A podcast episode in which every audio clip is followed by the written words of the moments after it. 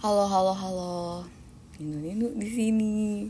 Ninu Ninu sekarang episode 7. Gercep banget kan gue. Selamat pagi semuanya. Gila, udah episode 7. Kayak gue maraton speedrun. Kemarin upload tuh episode. Kayak yang udah gue ceritain kan.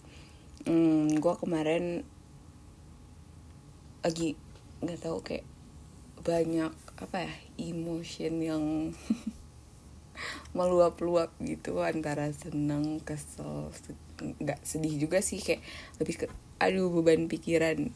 Btw gue sekarang ngerekamnya sambil ini nih sambil kerja. Jadi kalau denger suara klak klik gitu suara mus gue lagi kerja.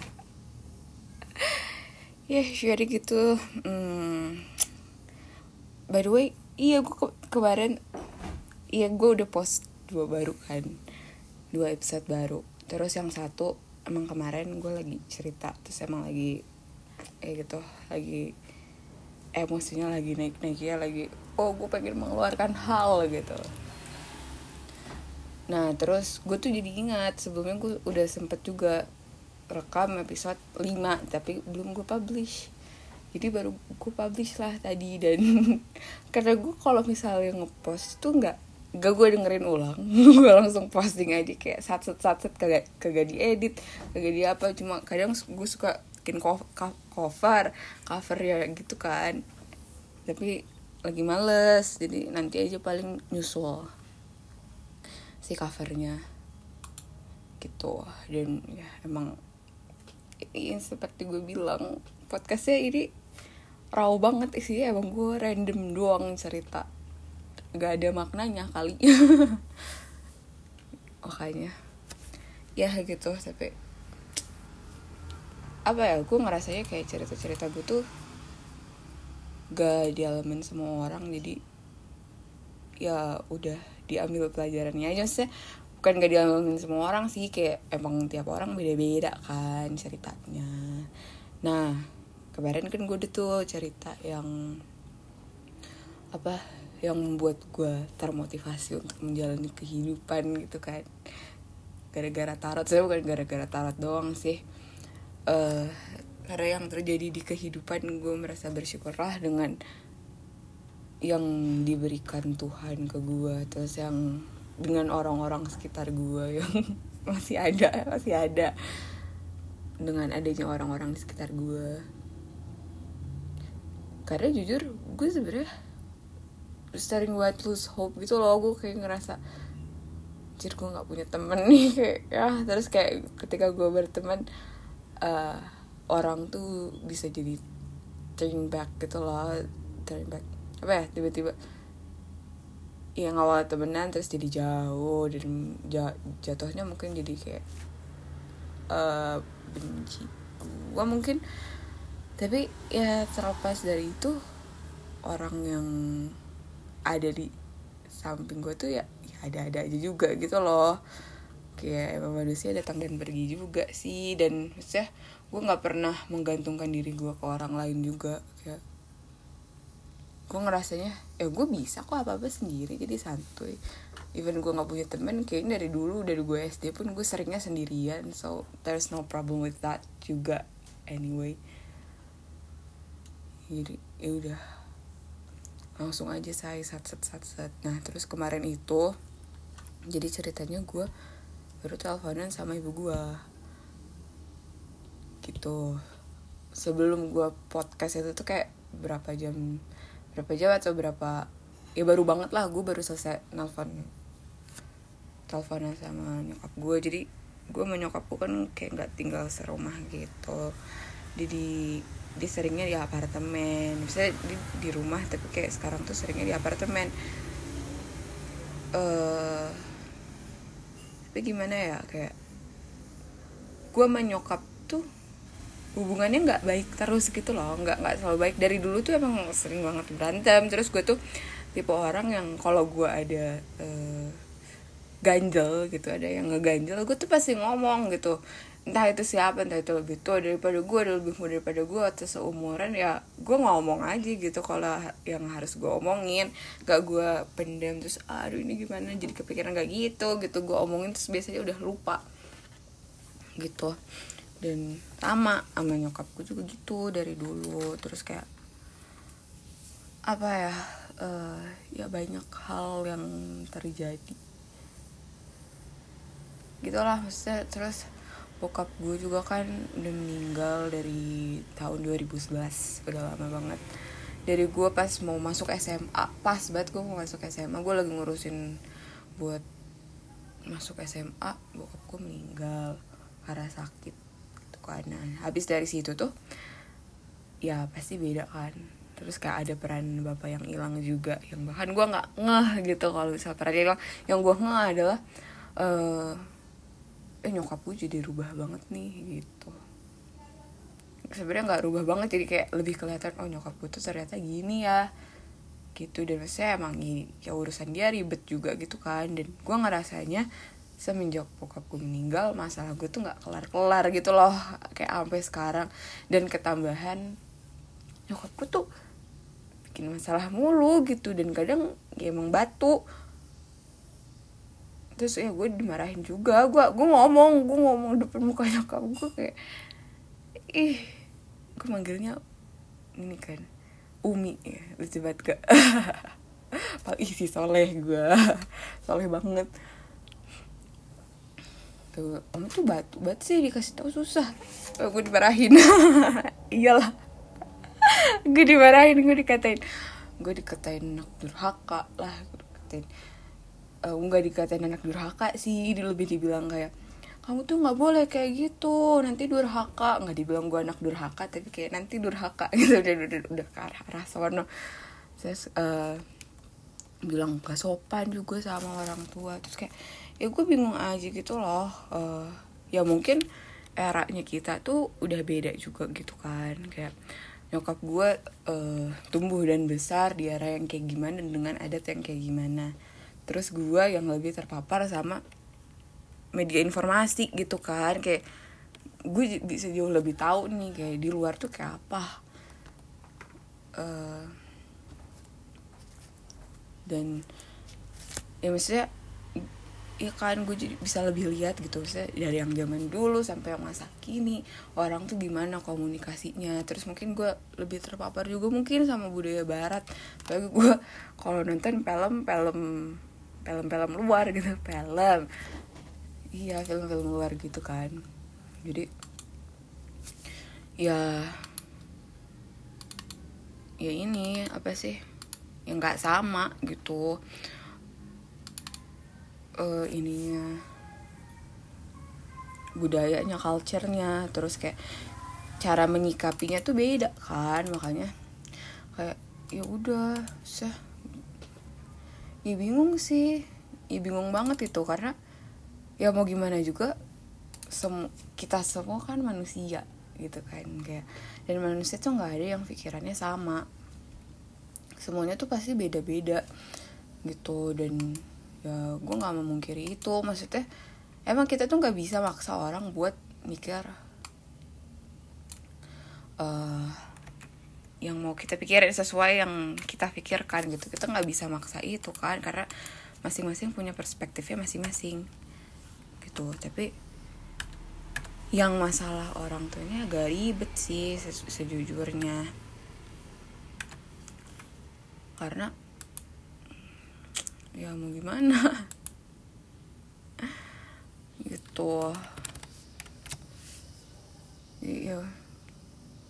Ya balik ya ke topik jadi gue tuh kemarin berantem sama nyokap gue nggak berantem sih karena kayak itu masalahnya banyak banget dan kayak gue ngerasanya emang yang nyokap gue ibu gue gitu. Tapi nggak semata-mata gue jadi setuju sama semua hal yang dia lakukan juga gitu kan. Gue kalau misalnya dia salah ya gue bilang gitu gue marahin juga gitu loh.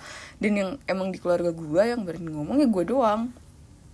Dan ya, karena gue mungkin anak pertama juga gitu kan. Uh, ya ada ada gue pada ya no comment lah apa apa ya udah. Jadi uh, gitu sih kayak lumayan ribet dan gue lumayan bingung juga gitu. Kayak di satu sisi dia orang tua lo tapi di satu sisi ya dia salah juga gitu. Dan ya lo nggak bisa eh, nggak uh, bisa mengiyahkan semua hal yang dia lakukan juga. Karena kita semua manusia gitu pasti punya masalah kan. Eh punya bukan punya masalah punya salah gitu.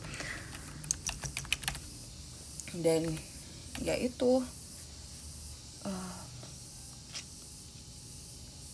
karena apa ya masalahnya dibikin-bikin gitu kadang kayak ada hal yang bisa kita antisipasikan dalam hal ada yang bisa diantisipasi antisipasi. Tapi dia nggak mengantisipasi itu kayak dari sebelum masalahnya kejadian gue tuh udah ngingetin udahlah nggak usah dilanjut ini kayaknya udah nggak bener udah ke mana kemari. Dan maksudnya it's too good to be true juga buat kejadian. Lo kalau misalnya step in ke situ kayak gue ngerasanya kemungkinan tuh buat kejadian tuh kecil banget. Gitu karena ya balik lagi it's too good to be true. Ini ya jujur ini hubungannya sama uang kan kayak dia mengeluarkan sejumlah uang terus dibayarnya berkali lipat. Itu kan kayak somewhat gak make sense gitu kan.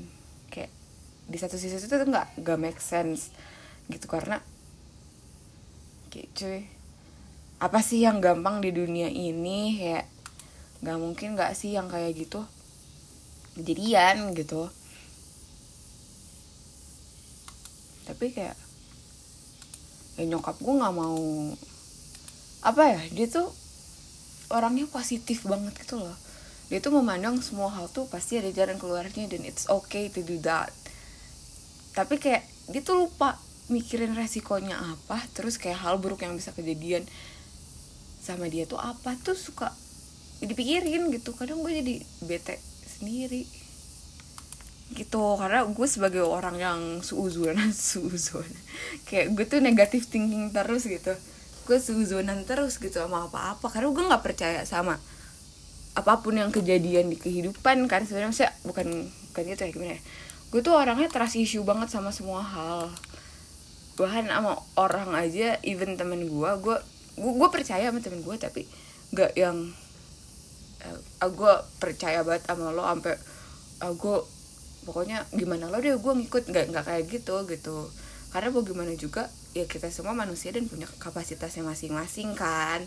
Nggak semuanya tuh bisa uh, ya sesuai harapan lo gitu. Jadi yang, gue pegang ya gue gue percaya sama orang tapi ada batasannya gitu. Nggak sampai gue merelakan apa ya kayak pasrah akan semua hal yang terjadi di kehidupan gue ke satu orang atau beberapa orang gitu intinya ke orang lain ke, ke faktor eksternal lah. Gue tuh selalu melimpahkannya ke diri sendiri gitu. Even kalau misalnya gue punya problem sama orang gue tuh paling sering nyalahin gue diri nyalahin diri gue sendiri dulu gitu. Kayak gue eh gue gue salah apa ya? Gue gue gue ngapain ya sampai orang bisa kayak gini ke gue jadi kayak maksudnya ya itu nggak baik juga sih. Gue tahu karena gue jadi gue ngeblamingnya semuanya ke ke gue gitu. Jadi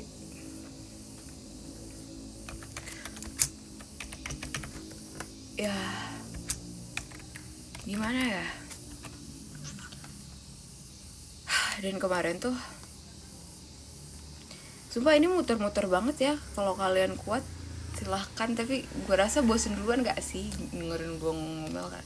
Gue juga nggak nggak minta buat didengar sih. Karena ya ini kan emang formatnya tong sampah. Kok ada yang bersedia bersedia mendengarkan? Gue ber, sangat berterima kasih. Kalau enggak pun ya it's okay.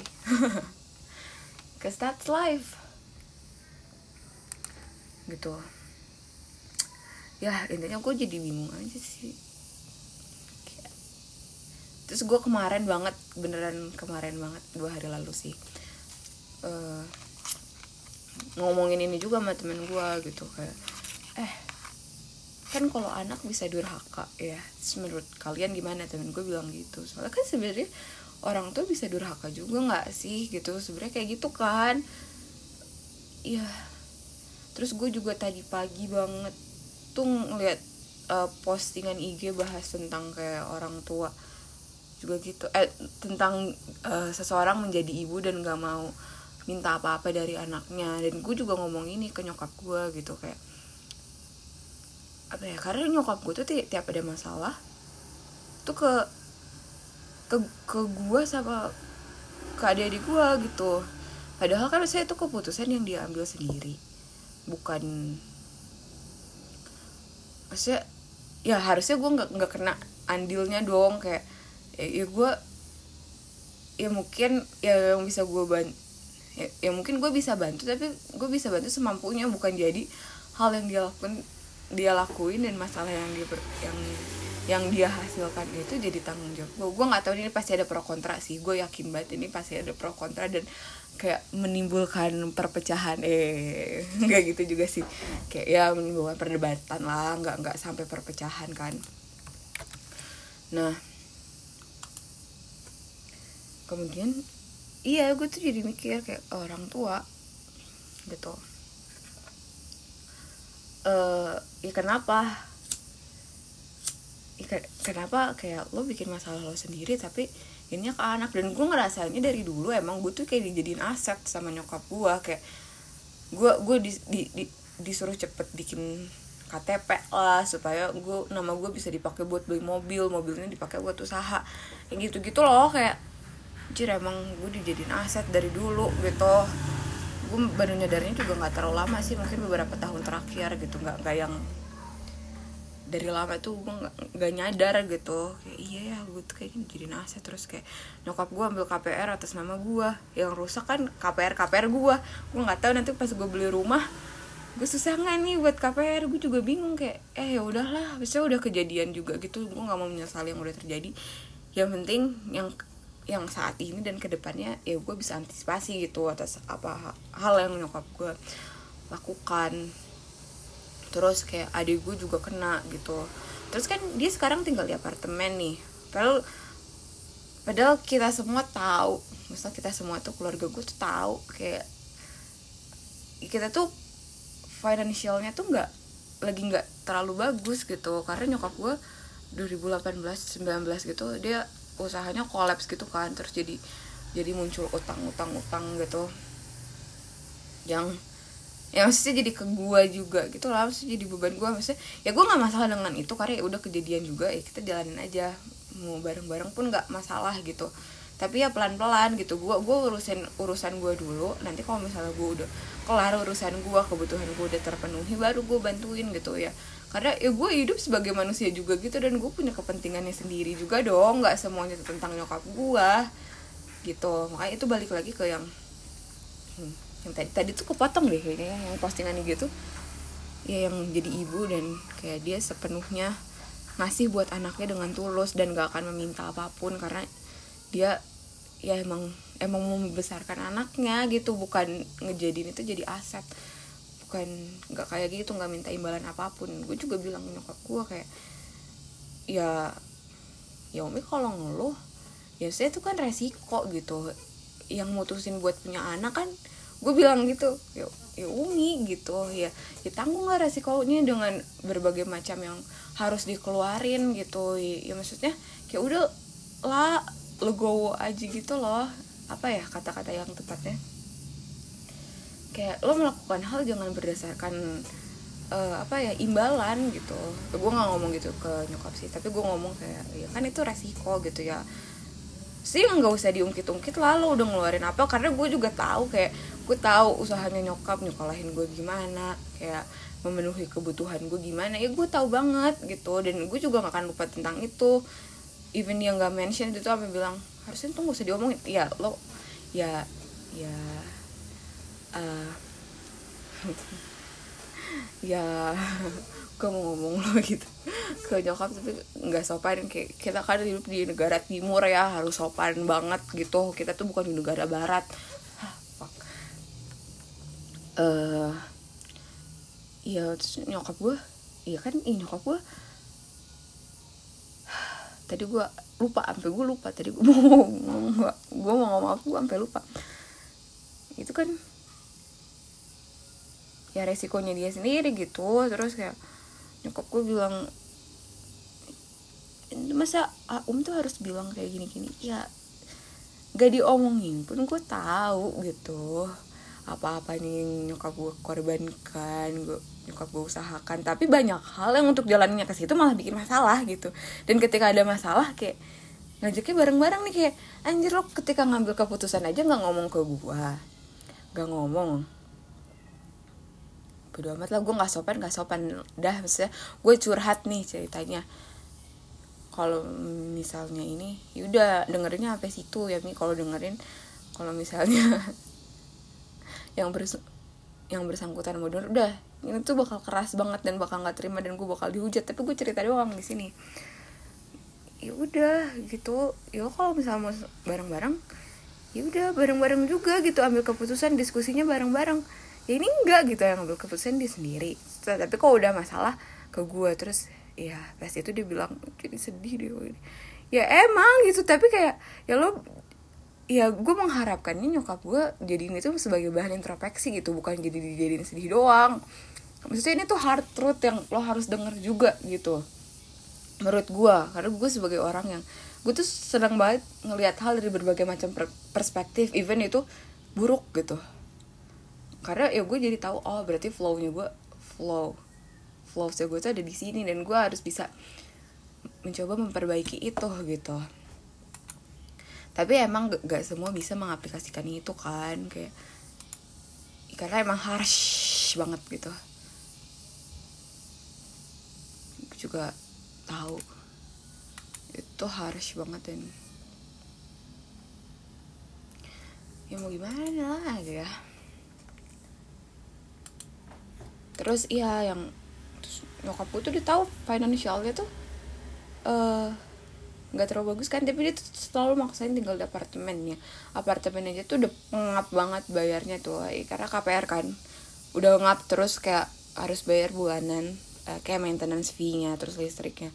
Dan nyokap gue kan maintenance fee-nya tuh uh, nunggak ya. Terus jadi nggak bisa beli listrik yang full gitu loh karena listriknya token emang harus belinya ke manajemennya kan dan uh, dan itu tuh kayak tiap beli lo beli listrik lima puluh ribu lo harus bayar maintenance fee nya tuh lima ratus lima puluh ribu. Jadi tiap lo mau ada listrik harus bayar enam ratus ribu gitu. Kayak itu kan uangnya banyak banget ya keluarnya gitu. Yang bisa ditekan dulu lah tinggalin dulu lah. Maintenance fee nya kagak usah dipakai. Itu apartemen di sini dulu aja. Jadi kayak pengeluarannya satu satu jalur gitu kan pengeluarannya tuh ini enggak gitu. Dia nggak mau tinggal di rumah. Karena emang dia tuh ada masalah juga di rumah. Karena gue tinggal di rumah bareng yang juga kan dan kayak banyak dan nyokap gue tuh ada masalah juga gitu sama saudara saudaranya sama tante tante gue. Gitu dan makanya gue ngerasa ya, ya lo punya masalah jangan dihindarin lah hadapin gitu. Jangan lari mulu gitu. Gue tahu urusannya banyak kayak selesaiin satu-satu ya sambil gitu. Itu kesel gue tuh kemarin dia tuh nyokap gue emang butuh teman cerita tapi gue kan emang orangnya nggak bisa nih kalau misalnya ada yang gue omongin tuh ditahan tuh nggak bisa gitu. Kayak lebih kayaknya lebih baik lo kalau mau dengerin uh, mau cerita sama orang yang uh, cuma dengerin dong jangan ke gue gue pasti ngomong soalnya. Gue tuh pasti punya perspektif sendiri dan gue ngerasa ada the urge to say that out loud gitu bukan buat disimpan doang. Makanya kayak gue selalu iya gue selalu meng mengungkapkan apa apa kata kata hati gue gitu.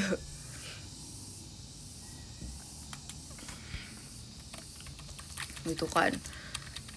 Makanya lah kemarin gue bete kayak yaudah udah udah gitu. Ibunya jadi kadang ibunya jadi males kan gue omongin gitu. Tapi kayak yang gue omongin juga ya ada benernya dan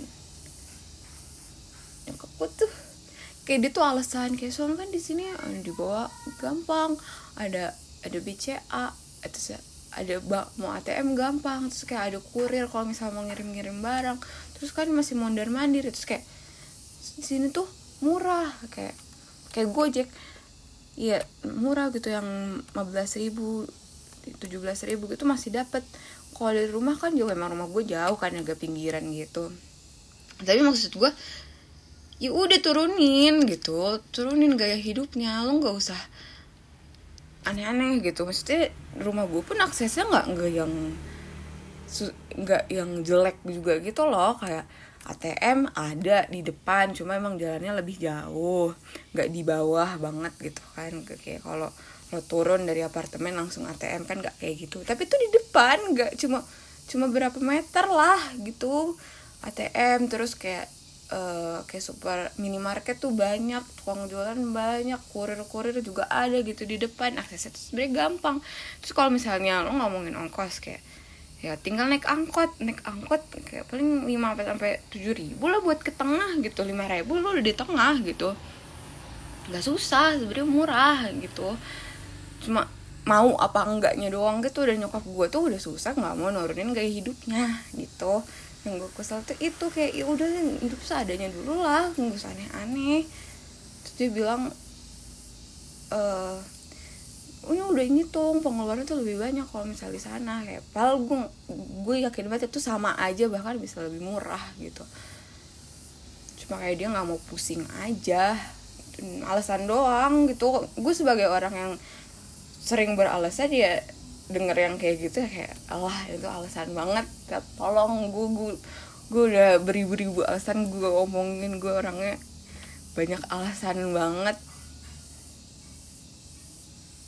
ya lo ngomong kayak gitu kayak hah? Apaan sih? Bisa bisa. Itu tuh bisa cuma alasan doang gitu. Maksudnya gue agak bingung juga gitu loh kayak bahkan orang tua yang biasanya bilang gitu ke anaknya jangan banyak alasan lakuin aja. Tapi kayak nyokap gue melakukan itu gitu. Kayak gue bingung kok bisa bisanya gitu. Gue mah tahu diri soalnya orangnya ya gitulah makanya kemarin tuh gue kayak kesel juga. So, mood gue jadi hilang gitu yang tadinya gue mau kerja. Anjir gue udah capek deh. Uh, energi gue udah keserap sama nyokap gue buat marah-marah buat dengerin ceritanya dia. Karena ya itu emang sih dia tuh pengen didengar dia tuh mungkin ngerasa uh, apa ya serba salah juga gitu loh. Kayak dia kagak cerita salah. Gue omelin cerita gue omelin juga cuma kayak ya emang resiko gitu ya.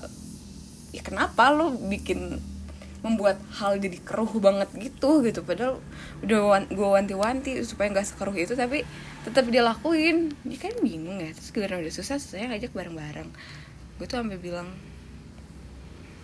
itulah maksudnya dia apartemen aja tuh masih minta ke uh, buat nutup apartemen ini buat nutup listrik apartemen aja tuh maintenance ini masih minta ke adik gue gue kan udah nggak punya uang ya kemarin gue udah udah ngasih soalnya ke dia. Tuh gue udah nggak punya uang lagi sekarang gue udah bingung. Bahkan kayak ada kayak pinjaman online gitu yang atas nama gue gue udah nggak tahu tuh bayarnya gimana gue udah bingung banget. Kayak terus nyokap gue bilang itu ini aja ada tagihan yang harus dibayar hari ini. Terus kayak gue dalam hati anjir lo ngomong ini ngarep gue bayar. Kayak gue tuh kesel gitu. Nyokap gue tuh kadang suka apa sih kode kode gitu loh. Kayak itu harus ada yang bayar bisa ibu-ibu gitu nggak enak ngomong kali ya. Terus dia tuh kayak tiap gue kasih tahu kayak jawabnya tuh nggak yang apa ya kayak dia tuh ngerasa dia tuh udah melakukan itu gitu loh kayak iya makanya bukan yang iya sih. Bukannya buat jadi bahan renungan malah dia ngerasanya kayak udah melakukan padahal enggak gitu kayak yang atau enggak gitu. Dia belum ngelakuin itu dia cuma kayak ya gue udah bingung banget sih jujur. Kayak gue udah di tahap yang gue udah nggak tahu harus ngelakuin apa sama nyokap gue kayak nanti gue ngelakuin ini salah. Tuh salah. Gue cuma gue gue sekarang kayak ya udahlah gue ngasih tahu nyokap gue apa yang apa yang gue rasa bener aja deh. Kayak gue udah nggak peduli gue, gue dianggap durhaka lah gue dianggap nggak sopan lah. Ya udahlah itu serah itu asumsi lo gue ngelakuin hal yang gue rasa bener aja gitu. Nggak gimana gimana karena gue udah, udah capek lah. Kayak gue ngelakuin ini salah itu salah lalala salah. Yang bener apa dong? Gitu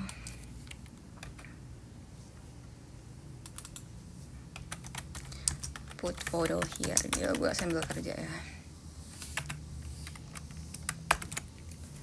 Makanya tapi ya saya gue jadi, jadi jauh lebih lega lah dengan cerita kayak gini. Jadi untuk anda anda yang mendengarkan terima kasih.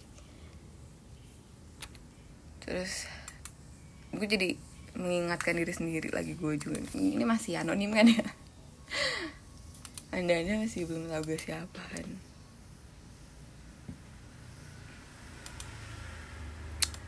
gitu. Gitu deh. Ya doain aja ya kayak masalah gue kelar. Terus oh iya ngomongin dari tarot lagi gitu kan. Anjir gue tuh orangnya eh, kayak gampang gue tuh gampang percayaan. Makanya gue tuh trust isu sama orang sama semua hal gitu. Karena gue tuh gampang percaya karena gue jadi nggak percayaan. Karena yang udah-udah karena gue gampang percaya gue ketipu mulu. Saya ketipu bukan ketipu sih lebih kayak aduh gue dibohongin mulu sama orang. Konteksnya bercanda sih nggak yang dibohongin dalam artian merugikan gue. Cuma, itu aduh gue gampang percayaan gue jadi nggak percayaan sama semua hal gitu kayak gitu kan. Jomplang gitu. Hmm. kalau misalnya lo minus banget tuh. Ujungnya suka jadi plus banget. Atau plus banget ujungnya jadi minus banget gitu lah. Out of context tapi yaudah uh, iya ngomongin tarot tuh jadi gue tuh sempet baca tarot. Eh apa ya nonton bukan baca nonton tarot ya pick up card lah biasa gue di YouTube. Jadi tentang kayak uh, kayak apa ya gue ngomongin tentang orang di kehidupan sebelumnya tuh apa gitu karena kan kalau di spiritualism tuh lo tuh bukan jiwa yang baru kan. Bukan bisa jadi lo tuh uh, dari jiwa yang udah lama terus kayak reborn gitu loh. Jadi kayak lo tuh ada di kehidupan sebelumnya pun ada gitu. Dan jadi apanya tuh apa gitu. Nggak nggak yang tapi kayak masuk akal juga nggak sih? Kayak kok gue jadi Tuhan gue males sih bikin baru. Yang mending gue dari yang udah mati gue hidupin lagi aja tapi kayak di refresh gitu. Ingatannya tapi karakternya tetap sama. Ya enggak sih karena banyak banget gitu manusia di dunia. Sebanyak itu terus bergenerasi generasi terus kayak berzaman zaman beda beda kan? Nah terus gue tuh dibilang kayak lo tuh new, new soul yang diturunin ke bumi itu buat nyelesain masalah di keluarga lo. Terus kayak ah apa nih? Kayak ya anjir masa sih? Iya kayak kalau emang ini kan beban di gue tapi gue uh, ya lumayan ini juga gitu. Gue merasa oh kehidupan gue berarti ada artinya nih gue bisa berjasa buat ke keluarga gue at least. Tapi ya tetap aja beban gitu. Karena dibilang gitu keluarga kamu ada masalah gitu dan kamu tuh emang dilahirin ke dunia buat nyelesain masalah keluarganya. Terus kayak eh, kok bisa gitu? Gitu. Ya gue tuh jadi percaya tarot karena berkali-kali tuh kayak kok bener ya maksudnya ini tuh bukan maksudnya konteksnya bukan yang lagi bacain ramalan untuk masa depan gitu loh. Tuh lagi ngomongin hal yang udah ke kejadian kok benar jadi yaudah deh. Gitu. Terus uh, gue pernah baca sih sebenarnya tarot itu kan psikologi psikologi kuno gitu loh yang tuh sebenarnya kayak jadi tuh yang dipercayain tuh ada energi gitu kan di sekitar kita dan kayak tarot tuh cuma medianya doang. Jadi setiap kartu kan sebenarnya udah ada artinya apa nih. Jadi pas dibuka ya udah itu cuma baca energi yang ada di sekitar lo doang. Jadi kayak media doang juga sebenarnya nggak ramalan banget sih. Karena semua kartunya kan udah ada artinya sendiri. Cuma yang mana yang keluar gitu udah udah 34 menit. Gue juga harus fokus kerja sekarang. Biar kerjaan gue sat set sat set udah jam mau jam 10 juga. Jadi ya, terima kasih sudah mendengarkan. Mungkin bakal gue pending sih. Nggak nggak langsung gue upload sekarang. Karena gue harus kerja. Jadi gue save dulu ya. Goodbye semuanya. Sampai berjumpa di episode nino nino nggak jelas lainnya. Terima kasih